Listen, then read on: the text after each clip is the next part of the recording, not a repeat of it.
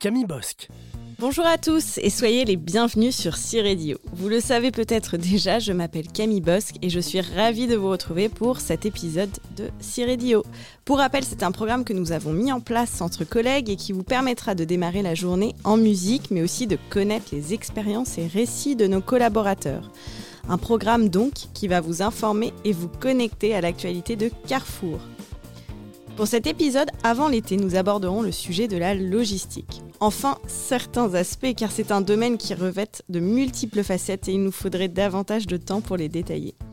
Nous chercherons à comprendre quels sont les challenges pour l'année 2023 avec Tanguy Sterstevens, directeur Supply Chain Belgique. Nous détaillerons aussi par la suite des projets concrets comme celui du transport avec Muriel Romain et enfin celui du FNR dont vous avez certainement déjà entendu parler. Sébastien De Wolf nous en dira plus. Je suis curieuse déjà de savoir ce que cela signifie. Pour l'occasion, nous nous sommes rendus à l'Hyper de Berkem Saint-Agathe pour écouter la musique de nos collègues en magasin. J'en passe et je n'en dis pas plus. C'est parti, nous débutons cet épisode en musique avec Nicolas qui nous propose un grand classique, je vous laisse découvrir. Bonjour, alors moi c'est Nicolas. J'ai choisi euh, Allumer le feu de Johnny Hallyday, tout ça pour mettre le feu le matin et ambiancer Carrefour.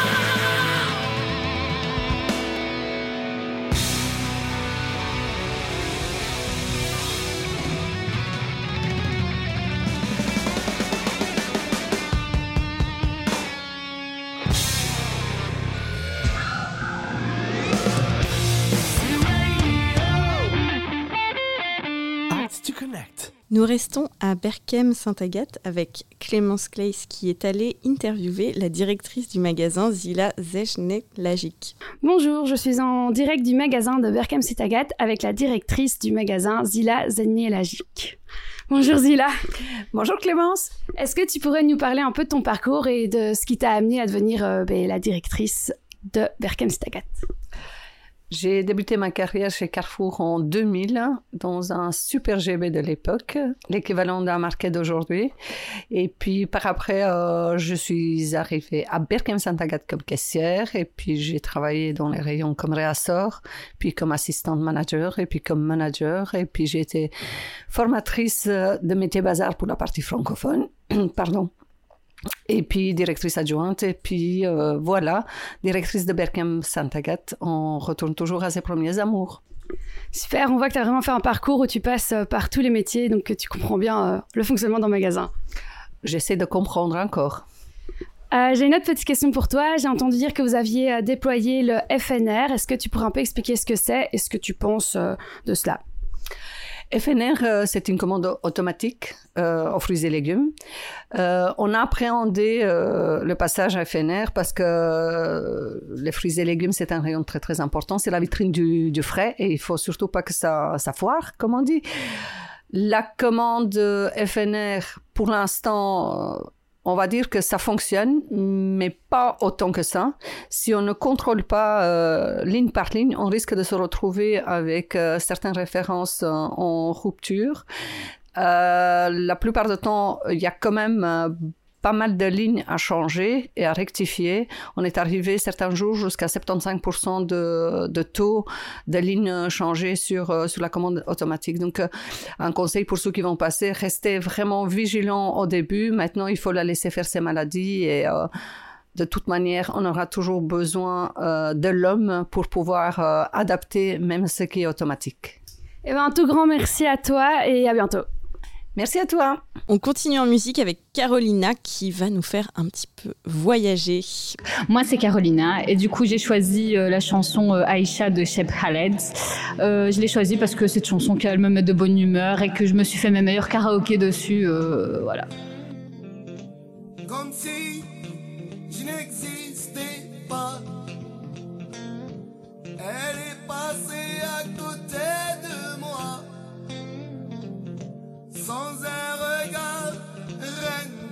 Saba. J'ai dit Aïcha, prends tout est pour toi. Voici les perles, les bijoux aussi au retour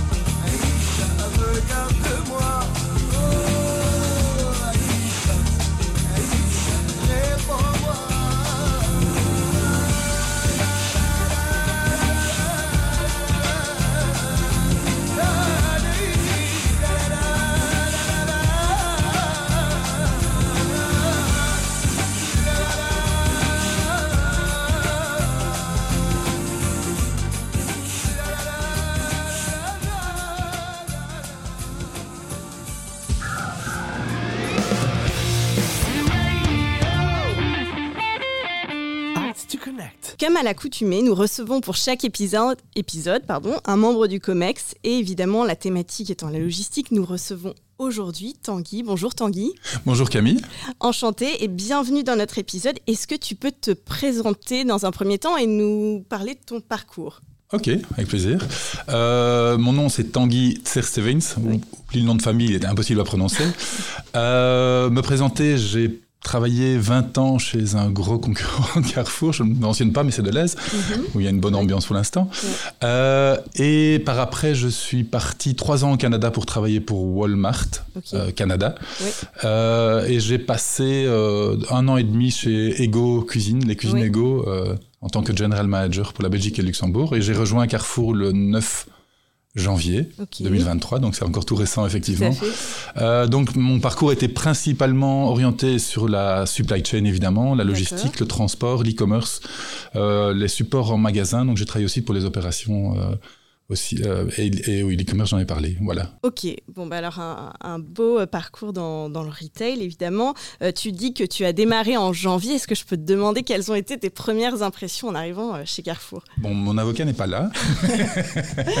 non, Oui. pas mal de, de surprises Mhm. par rapport à, à mes attentes et ce que j'imaginais Oui. de, de Carrefour. Donc, des, des surprises très positives. Mhm. La plus positive, et certainement quand on a eu la crise euh, des fermetures des Deleuze, où on a été aidé dans les magasins, Oui. c'était euh, l'amabilité et, et l'ambiance qu'il y avait dans les magasins. Oui. Que ce soit les collaborateurs ou les clients. D'ailleurs, les deux seuls clients qui m'ont rudoyé ou en tout cas pas, pas engueulé mais qui ont été vraiment désagréables c'était deux, deux clients de l'Est qui étaient vraiment assez Ah oui. surprenants et l'ambiance est vraiment très bonne et ça et, et c'est la même chose ici au, euh, au support center Bon, bah rassurant que ce soit euh, comme ça euh, chez nous, chez Carrefour. Donc c'est vrai que l'ambiance a été chouette dans ces moments où on a dû venir aider en magasin. Et en magasin, c'était un peu plus, euh, effectivement, un peu plus le rush. Euh, aussi, pour, euh, voilà, là, on va aller plus en détail euh, pour le- la partie euh, logistique. Euh, Est-ce que tu peux nous dire quels sont les, les plus gros challenges pour euh, 2023 et aussi avoir un aperçu, vraiment un petit aperçu de la stratégie? Donc effectivement et ça rebondit un peu Oui. sur la première question mais mon rapport d'étonnement c'est Mhm. effectivement je ne m'attendais pas à autant de challenges logistiques la logistique est certainement pas un long fleuve tranquille il y a Oui. toujours des surprises il y a toujours des, des challenges parce qu'on est dépendant de, de beaucoup d'acteurs différents que ce soit Mhm. les fournisseurs les prestataires dans, le- dans notre entrepôt mais aussi les magasins et du transport etc donc ça fait énormément de, de- de maillons de la chaîne à, à arriver à bien Oui. aligner pour bien fonctionner Mhm. donc c'est normal d'avoir des surprises ici je me suis rendu compte qu'on avait quand même pas mal de, Oui. de gros challenges devant nous on a, on a un manque de capacité à Conti suite à la fermeture de. Nivelles et on a dû trouver des solutions et notre premier challenge et je reviens sur la première la deuxième question Mhm. c'était vraiment d'augmenter la capacité et la stabilité de Conti et donc on l'a fait en augmentant les, les livraisons la nuit en augmentant le, le nombre de, de, de réceptionnaires et de clarkistes en augmentant le nombre de remorques pour pouvoir charger les remorques Oui. le plus tôt possible et de libérer chaque fois l'entrepôt autant que possible donc on a mis, on a mis toute une série d'actions très pragmatique pour gagner de la capacité. Ok, c'est clair. Euh, bah, pour nos magasins qui nous écoutent, euh, ils ont dû avoir effectivement vu, ils ont dû voir l'impact. Euh, est-ce qu'il y a d'autres choses que tu as envie de partager justement à nos magasins, plus particulièrement des projets ou la stratégie pour 2023 il y a un projet mhm. important, c'est le, frais. Donc, on, a, deux sites frais. On en a un à, à KDC, à Sint-Catalina au Havre.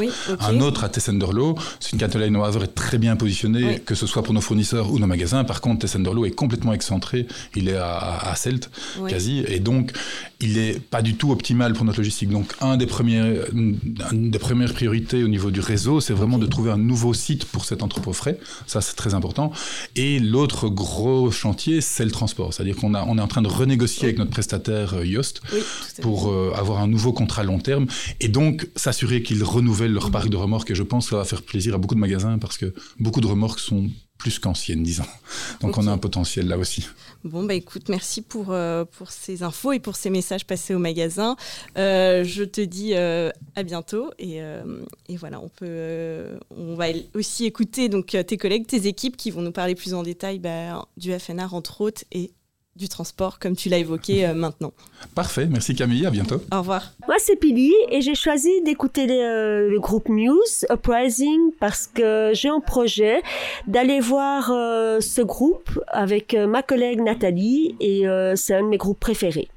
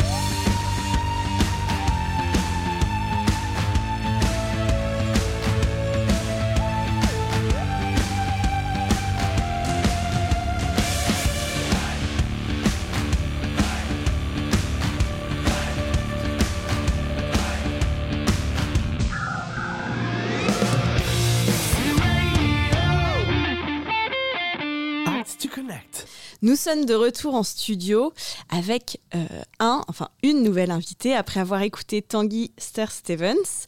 Euh, et nous allons maintenant aller plus en détail dans un sujet. Et je dis bonjour Muriel. Bonjour. Bienvenue. Euh, Muriel, est-ce que tu peux te présenter? Oui, bien sûr, je suis Muriel Romain. Je suis planning et transport manager pour Carrefour Belge. Ok, merci. On va démarrer donc euh, notre échange pour euh, les magasins. En fait, toi, tu es vraiment venu ici pour détailler un peu euh, ce qu'il en est du transport, les enjeux environnementaux. Et j'ai une première question. Donc, quelle est aujourd'hui l'importance de ces enjeux et de la RSE pour le groupe Carrefour? Si tu peux d'ailleurs expliquer ce que ça veut dire RSE pour, pour ceux qui nous écoutent. Oui, donc Monsieur Bompard, le CEO de groupe, a mis la barre très haut sur cette responsabilité sociétale et environne- environnementale de, la, Ouais. de la société. Et dans le cadre de cet enjeu, le transport doit évidemment jouer sa carte ici en Belgique dans la réduction euh, drastique hein, de, de l'empreinte carbone. En plus, il y a un volet euh, sur la concentration dans les villes, la congestion, qui Mhm. devrait être diminuée euh, pour euh, le bien-être des citoyens, de la planète euh, et de la sécurité. Et nous avons évidemment également euh, le fait de devoir respecter le repos des citoyens la nuit et donc euh, de réduire euh, les nuisances euh, sonores. Ok, mais ça c'est clair, c'est vrai que c'est des sujets d'actualité qui sont extrêmement forts. On comprend aussi que pour le groupe Carrefour, ça l'est. Toi qui travailles dans le transport, est-ce que tu peux nous dire par rapport à ça quels sont les leviers d'amélioration concrètement? Surtout sur la première partie de, de- du carbone footprint, euh, il est très important de réduire les kilomètres par unité de virement transporté et de limiter les kilomètres à vide en combinant des livraisons vers les magasins Ouais. avec des enlèvements euh, vers les fournisseurs. Le deuxième levier, c'est le taux de remplissage au sol de nos remorques et aussi en cube, donc euh, en hauteur, donc les palettes assez hautes dans des camions plats au sol. Et après, nous avons évidemment, euh, oui, les investissements dans des moyens de traction ou de carburant alternatifs euh, hors diesel. Ok. Et sur la partie, donc euh, par rapport à ce que tu disais juste avant sur les palettes, donc là c'est intéressant parce que les magasins nous écoutent. euh, donc eux, ils ont aussi un levier d'action par rapport à ça? Mais les magasins dans l'ensemble, ben, les palettes hautes, si elles sont stables, ils n'ont pas vraiment de problème, Oui. évidemment, mais ils, ils chassent plutôt la hauteur de la palette parce qu'ils ne voient pas l'intérêt, évidemment, logistique. Euh, hein, c'est mauvais pour le dos, il y a des gens qui sont trop petits, etc. Mais pour l'empreinte carbone, il est très important, évidemment, de remplir cubiquement nos camions et pas simplement au sol.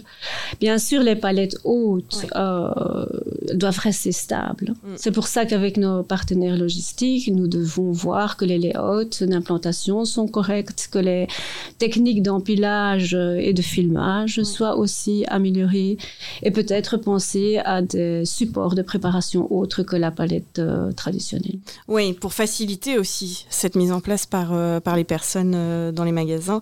Muriel, nous faisons une petite pause et nous retrouvons euh, Nelson euh, du magasin de Berkem pour écouter son choix musical plutôt estival. Bonjour, moi c'est Nelson, euh, conseiller en prévention de Berkem Saint-Agathe. J'ai choisi Dolce Vita car pour moi c'est une chanson good vibe et une chanson de saison.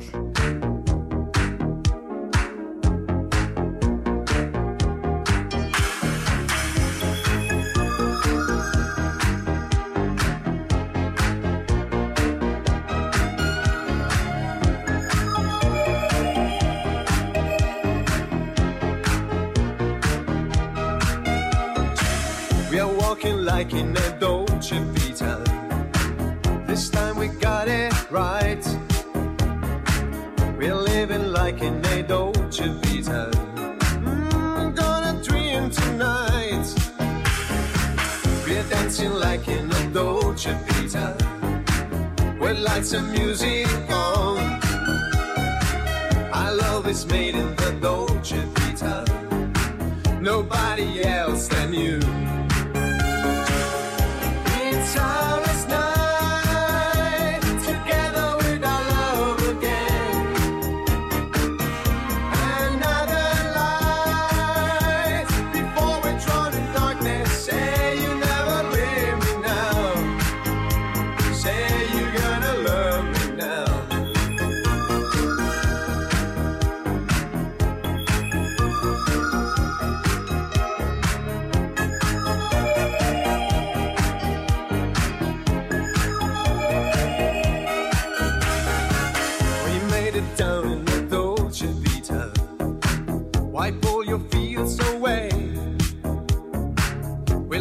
like in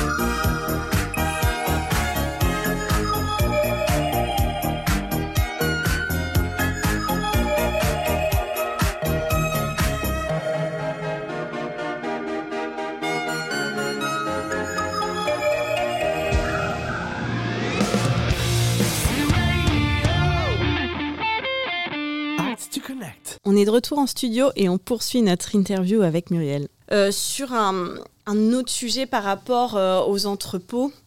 Euh, donc il y a eu un- la fermeture de l'entrepôt de Nivelles et un split de Cargoville, enfin entre Cargoville pardon et Sattenrosen.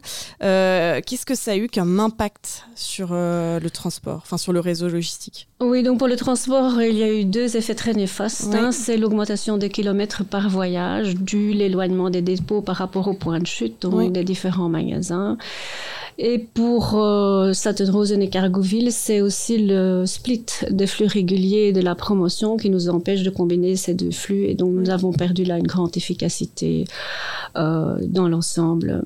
Pour combler donc ces deux effets néfastes, on doit justement Mhm. revenir sur ce taux de remplissage hein, et donc limiter le nombre de voyages, de drops par magasin, de telle sorte qu'on puisse Limiter la- limiter l'em- les kilomètres. Oui, Oui, voilà, les, kilomètres. les kilomètres.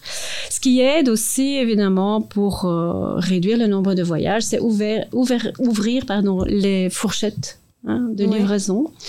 Et ça aussi, c'est très important pour nous. Euh, et la réduction de la fréquence de livraison et la réduction des reprises vidanges sont aussi un levier à analyser. Et là, les réserves des magasins sont en général trop petites pour répondre à ce, à ce plan d'action. Et donc là, il y a des actions à prendre au niveau des magasins euh, pour reprendre peut-être de la place euh, sur la vente, puisqu'on n'a quand même pas de chiffre d'affaires au mètre carré suffisant. Peut-être qu'on Ouais. peut prendre un peu de place euh, sur la surface de vente. Ok, je comprends. Voilà, je comprends qu'il y a des actions concrètes qui sont déjà mises en place, qu'il y en a d'autres qui sont en cours. Est-ce qu'il y a des, il y a déjà des, est-ce qu'on voit des améliorations Oui. C'est- vrai. Ok. Oui, bien sûr.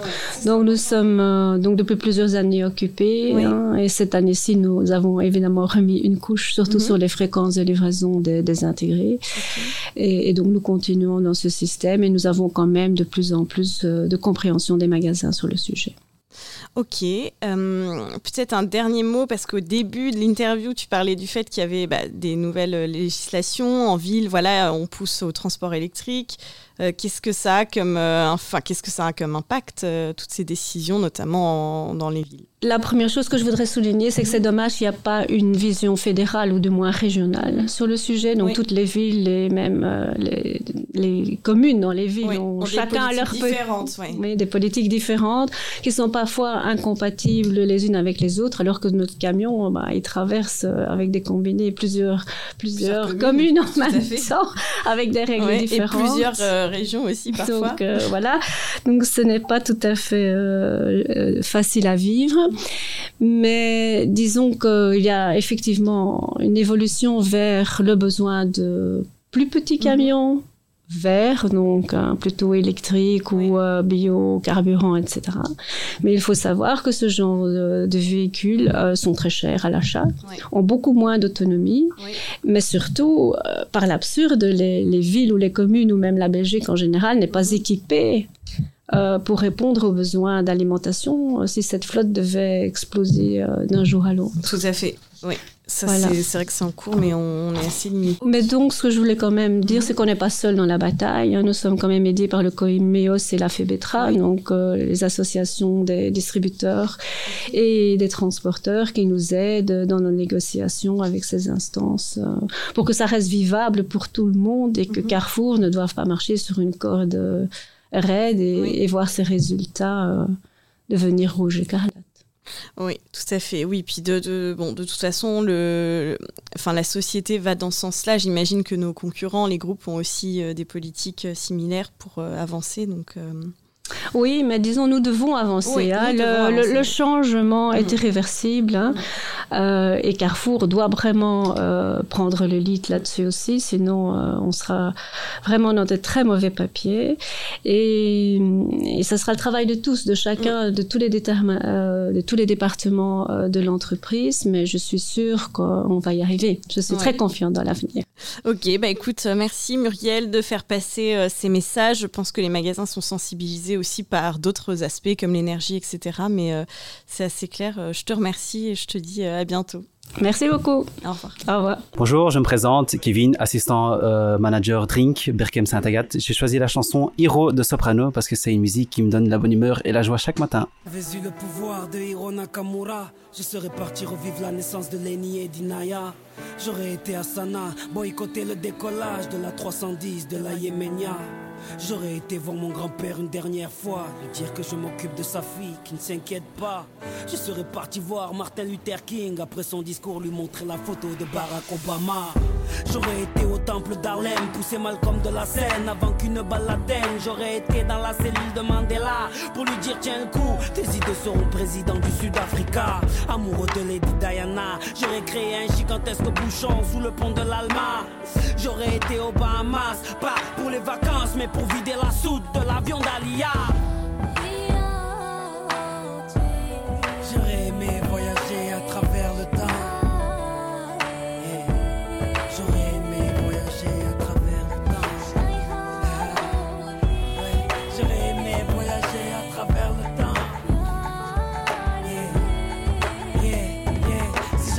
Pouvoir de Hiro Nakamura, j'aurais été au combat de Mohamed Ali à Kinshasa. Puis j'aurais été fêter l'indépendance de mes Comores dans les bras de mon grand-père avant sa mort. Puis un petit tour au Paris-Dakar en pleine savane pour boycotter l'hélico de Daniel Balavoine. Moi qui aime les vérités de ceux qui portent un nez rouge, j'aurais été crever les pneus d'un moto à Coluche. J'aurais été accueillir Mahomet à Médine, puis aller voir la mer rouge, laisser passer Moïse. J'aurais été à la naissance du fils à Marie. Deux heures après faire la marche, tu sais, avec Gandhi. J'aurais été m'asseoir auprès de Rosa Parks, puis à Woodstock pour vivre un live de Jimi Hendrix. J'aurais été à l'anniversaire de la Motown pour aller voir Michael nous faire le moonwalk. J'aurais été à New York pour déclencher à 7 heures une alerte à la bombe dans les deux tours. J'aurais été en Irak apprendre aux journalistes mieux viser avec leurs chaussures. J'aurais été en Afghanistan, jeter les caméras de la dernière interview du commandant Massoud. J'aurais été en Angola pour aller dire à l'équipe d'Adebayor de ne pas prendre la route. J'aurais été à Clichy-sous-Bois débrancher le transport de DF avant que Ziyad et Pouna arrivent. J'aurais été chez Kunta Kinte ou sur Corée pour leur donner des fusils avant que les colons arrivent. J'aurais été voir les tirailleurs africains pour leur dire qu'on traite leurs enfants de sales immigrés. J'aurais été en Autriche, j'aurais tout fait pour que les parents d'Adolf Hitler ne se rendent compte jamais. Même si j'avais eu le pouvoir de Nakamura, qu'aurais-je fait pour Haïti, le tsunami ou Katrina? Qu'aurais-je fait pour l'Alaska? Tout ce que la nature nous a donné, la nature le reprendra. Tellement de choses que j'aurais voulu changer ou voulu vivre, tellement de choses que j'aurais voulu effacer ou revivre. Mais tout cela est impossible, ami. Donc j'aspire un grand coup je souffle sur ma trentième bougie. Yeah. Yeah. Yeah. J'aurais aimé voyager à travers le temps. Radio. News. Comme pour chaque épisode, nous retrouvons Thomas Limpels qui va nous détailler les news. Dans les news pour cet épisode, on a un mois de mai qui a été consacré sous le signe de la solidarité chez Carrefour. Il y a eu par exemple une marche rose avec plus de 30 millions de pas effectués au sein de notre, société avec un total de 22 000 km, soit la moitié de la circonférence du globe terrestre. On félicite Cathy de qui à elle seule a fait un peu moins de 800 000 pas, soit 26 000 pas par jour. En plus de la marche rose, il y a aussi le clic solidaire en faveur de SOS Village Enfants. Euh, cet événement solidaire s'est déroulé dans tous les magasins Carrefour et a permis de récolter un total de 110 213 euros au profit de cette association. L'été a officiellement commencé et avec lui la saison des festivals. Le partenariat entre Carrefour et Tomorrowland se poursuit et cela se traduit par un véritable roadshow. Cette colonne de camions est partie pour ses premiers kilomètres fin mai et se rendra dans différents magasins de notre belle enseigne. Si vous souhaitez les suivre, n'hésitez pas à vous rendre sur Workplace pour avoir plus d'infos. C'est peut-être difficile à im- imaginer maintenant avec les températures estivales, mais la campagne de vaccination contre la grippe a également commencé. Cette année également, Carrefour offre le vaccin gratuitement à ses salariés qui s'inscrivent. La période de vaccination commence mi-octobre, mais les inscriptions ont déjà commencé afin d'avoir un approvisionnement suffisant. Pour vous inscrire, retrouvez toutes les infos sur Workplace, la deadline étant le 31 juillet. C Radio.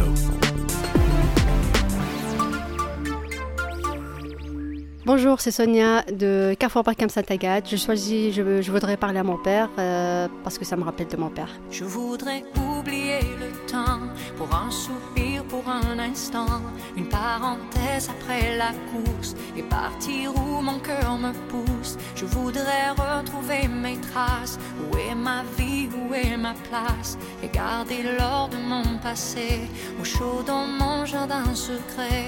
Je voudrais passer l'océan, croiser le vol de goéland, penser à tout ce que j'ai vu ou bien aller vers l'inconnu. Je voudrais décrocher la lune, je voudrais même sauver la terre, mais avant tout, je voudrais parler à mon père.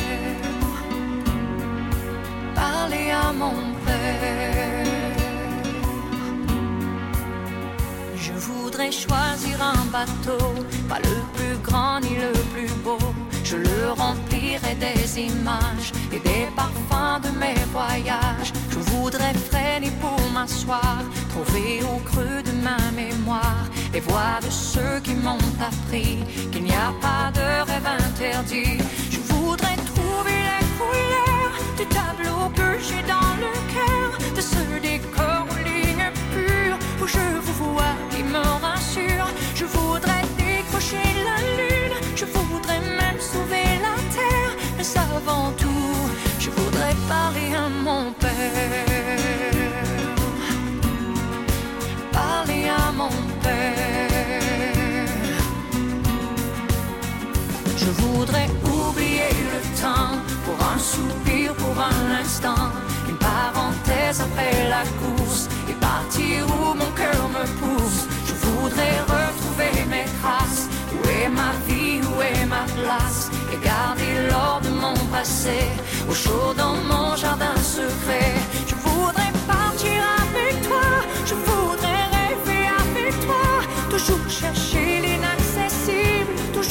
Espérer l'impossible. Je voudrais décrocher la lune et pourquoi pas sauver la terre. Mais avant tout, je voudrais parler à mon père.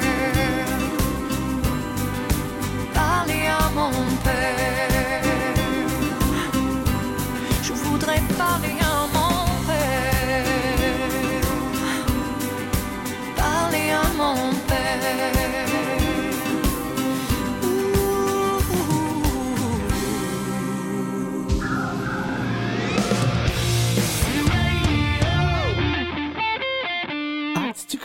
De retour avec nos invités et je reçois euh, maintenant Sébastien. Bonjour Sébastien. Bonjour Camille.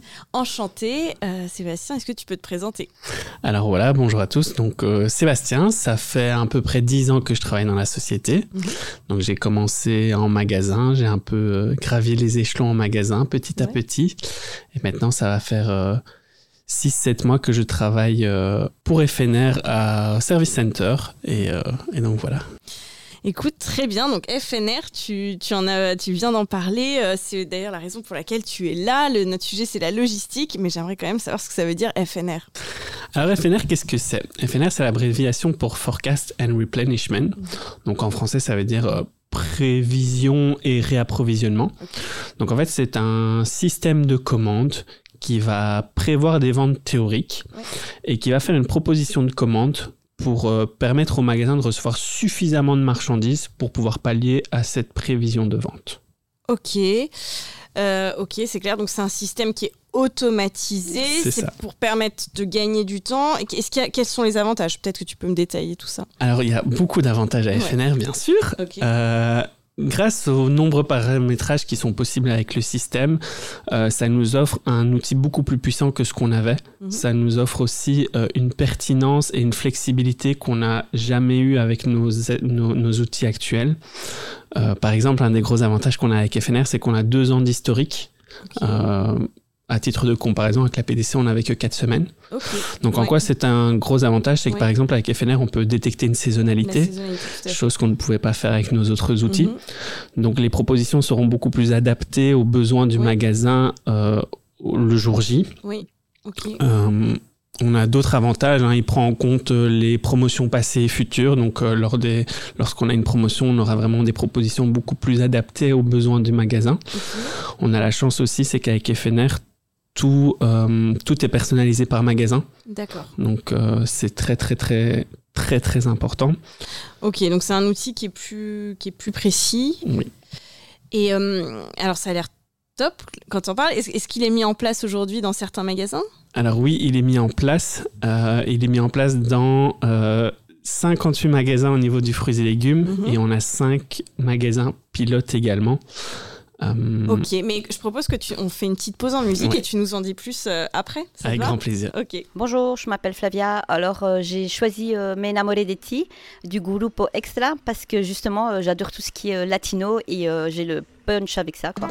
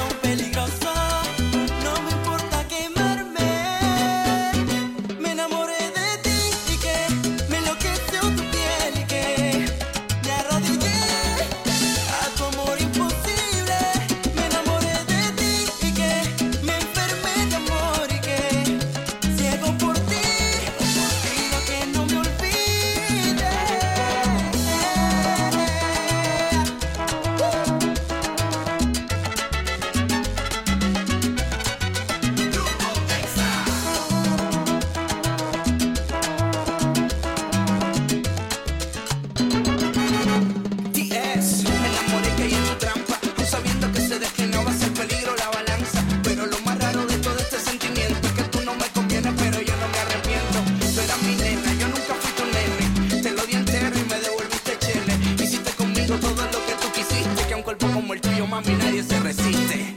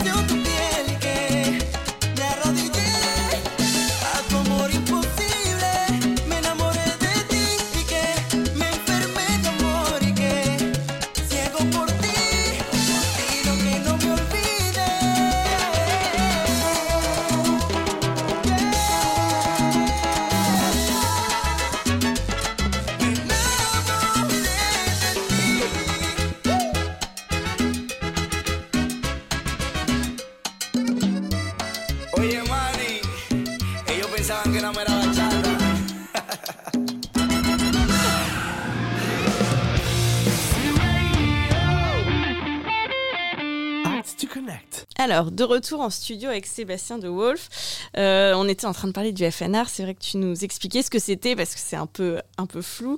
Euh, on en sait un peu plus. Là, tu as détaillé l'outil et, euh, et les, les avantages de cet outil. Est-ce que tu peux me dire comment les magasins ils peuvent être tenus informés de cet outil et travailler avec? Donc en fait, on est une équipe de cinq personnes Mhm. au service Center FNR. Ok. Euh, on a pour rôle le suivi des magasins. Ok. Euh, on est disponible pour changer et adapter les paramétrages de chaque magasin. Euh, un des avantages de FNR, c'est qu'on peut faire vraiment un paramétrage euh, très local. Euh, c'est pas un- c'est pas que des paramétrages généraux. Mhm. Donc on est disponible pour répondre à toutes les questions du magasin, à essayer de les aider premièrement dans la transition de FNR et puis dans l'adaptation euh, du système. Oui. Euh, on est joignable que ça soit par mail, par chat, mais surtout par le helpdesk qu'on a mis en place. Ok. Ok. Et vraiment très concrètement, le helpdesk que vous avez mis en place, c'est-à-dire qu'il y a une, euh, il, y a un mail que tu peux donner ou euh, En fait, on est présent donc sur la plateforme Helpdesk où vous pouvez tout re- retrouver tous les helpdesks, hein, le helpdesk LSD, IT. Ben maintenant, il y a un nouvel onglet Helpdesk FNR où vous pouvez créer des tickets et on y répond euh, dans les plus, plus- plus brefs délais. Ok, mais c'est bon à savoir. Euh, Voilà, n'hésitez pas si vous avez des questions. Euh, juste avant, on parlait aussi bah, des magasins qui étaient déjà mis en place. Donc, tu m'avais dit qu'il y avait 5 magasins pilotes et 58, si je ne me trompe pas, magasins euh, sur les fruits et légumes, dont Berken Saint-Agathe d'ailleurs, hein, que, qui- que nous suivons aujourd'hui. Où on en est aujourd'hui et où est-ce qu'on va dans les prochains mois? Donc, comme je le disais, on a cinq magasins pilotes Oui. euh, en franchise et en intégré. Donc, ce qui nous permet d'améliorer les paramétrages de base du système, c'est très important. On a actuellement l'entièreté des univers et des métiers qui sont lancés, lancés en FNR euh, un peu partout dans, les, dans ces magasins-là. Donc, on a du PFT, du PGC ainsi que du non-food. D'accord. Euh, c'est grâce à nos pilotes que nous arrivons à trouver un équilibre important pour pouvoir lancer plus tard euh, le FNR en mass rollout. Mhm. On a également actuellement 58 magasins en fruits et légumes. Alors pourquoi le fruits et légumes C'est une première étape idéale qui permet aux magasins d'être initiés au système. Oui. Et donc, ils ont déjà un pas dans le système et au fur et à mesure, on déploiera alors d'autres métiers et euh, d'autres- euh, d'autres secteurs. Ok, c'est clair. Est-ce que je peux te demander, là, euh, si on a une idée de, de- pour les magasins qui nous écoutent et qui ne sont pas encore pilotes ou, ou alors qui ne sont pas encore sur le fruits et légumes, si on a une idée du mass rollout De la date, en tout cas? Alors ici, donc euh, l'idée, c'est de finir nos derniers intégrés en fruits et légumes dans les 2-3 mois qui suivent. Oui. Et euh, le mass rollout devrait commencer à partir de septembre. Euh, Ok. Et voilà, ça devrait se déployer mois par mois et ça, les magasins seront au courant petit à petit. Très bien, bah écoute, ils sont déjà informés de, de cette première euh, date. Vous pouvez la noter. Puis euh, merci Sébastien d'avoir détaillé euh, ce projet qui, qui est très intéressant et qui va permettre d'optimiser les ventes chez Carrefour. Merci à toi. Belle journée. Bonne journée. Bonjour à tous, moi c'est Leila. Euh, j'ai choisi Fade Up de Zekp parce que ben, c'est une chanson ambiançante et je pense que le matin c'est ce qu'il nous faut. Bonne journée J'ai passé toute la night à compter mon oseille. Je t'emmènerai n'importe où où cette life m'amène. Teasé toute la tête, je crois que je touche le ciel. Je suis fade up, fade up now. J'ai passé toute la night à compter mon oseille. Je t'emmènerai n'importe où où cette life m'amène. Teasé toute la tête, je crois que je touche le ciel. Je suis fade up, fade up now. Fade up,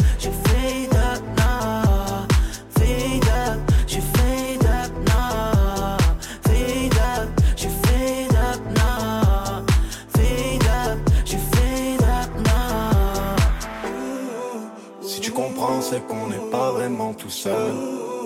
Je t'ai pas menti quand je t'ai écrit ce message. Te dire I love you, I love you sans wesh. Mais je suis au cas et y'en a plein d'autres qui sont fraîches. Parking la night, c'est claqué. My my, je fais seul ma zik. My my, on passe en caisse, on drive-by. Parking la night, c'est claqué. My my, changer mon brisson palma. Je me casse moi, je vous dis bye bye. J'ai passé toute la night à compter mon oseille. Je t'emmènerai n'importe où où cette life m'amène. Teasé toute la tête, je crois que je touche le ciel. Je suis fade up, fade up now.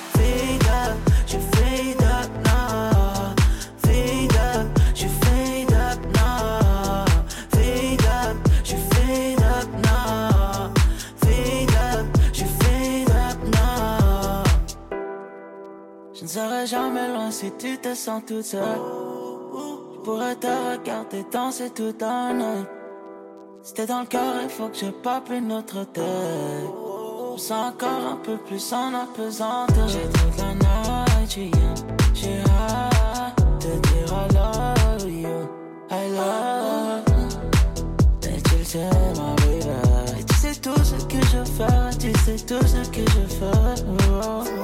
J'ai passé toute la night à compter mon oseille. Je t'emmènerai n'importe où où cette life me mène. J'utilisais toute la tête, je crois que je touche le ciel. Je suis fade up, fade up now.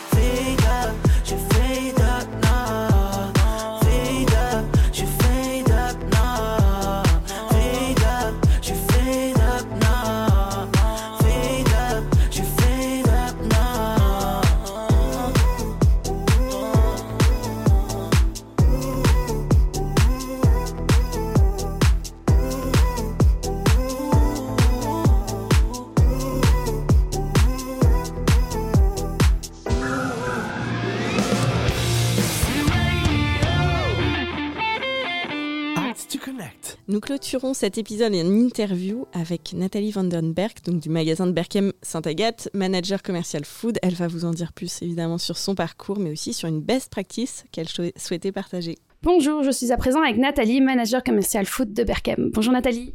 Bonjour. Euh, Est-ce que tu pourrais nous parler un peu de ce qui te motive dans ton métier? Euh, Qu'est-ce qui te drive euh, d'être manager euh, commercial food? Eh bien, pour moi, euh, c'est euh, un changement de, dans ma carrière, puisque j'ai commencé ma carrière en 1995 chez Carrefour comme étudiante et j'ai toujours travaillé en market. Et en 2019, euh, je suis euh, arrivée en hypermarché et donc dans la fonction de manager commercial food, ce qui me permet un peu de, de, de toucher à tout et euh, voilà par rapport à ce que j'ai fait auparavant en market. Super, merci beaucoup. Je sais aussi que vous avez une clientèle fort cosmopolite ici à Berkem. Est-ce que vous mettez des actions en place euh, par rapport à cela? Oui, on met des actions en place et euh, notamment, ben, on avait fait un folder euh, spécial pour le Ramadan. Donc, on a eu un retour très positif de notre clientèle qui trouvait que les prix étaient très concurrentiels par rapport aux épiceries qu'ils fréquentaient habituellement et ça a été vraiment un très grand succès.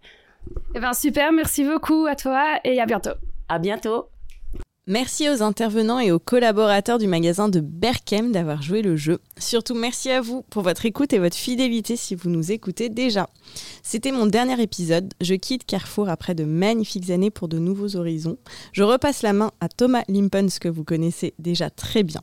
Ce qui m'amène au message suivant. L'équipe Ciredio francophone recherche une nouvelle recrue pour continuer cette chouette aventure. Si vous êtes intéressé, curieux, n'hésitez pas à nous contacter via notre adresse mail hello-ciredio@carrefour.com. Et si vous êtes un magasin et que vous souhaitez être à l'honneur pendant nos épisodes, vous pouvez également nous contacter à cette adresse. Je vous laisse en musique pour clôturer cet épisode avec le choix de Vincent, un choix festif. Bonjour, alors moi c'est Vincent et j'ai choisi Love Tonight de Shoes parce que cette chanson me motive le matin.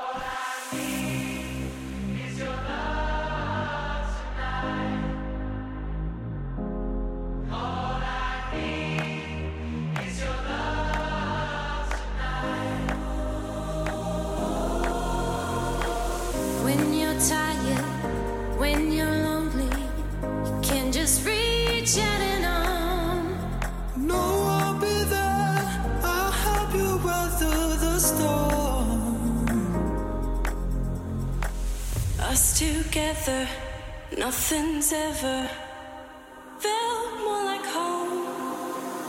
No,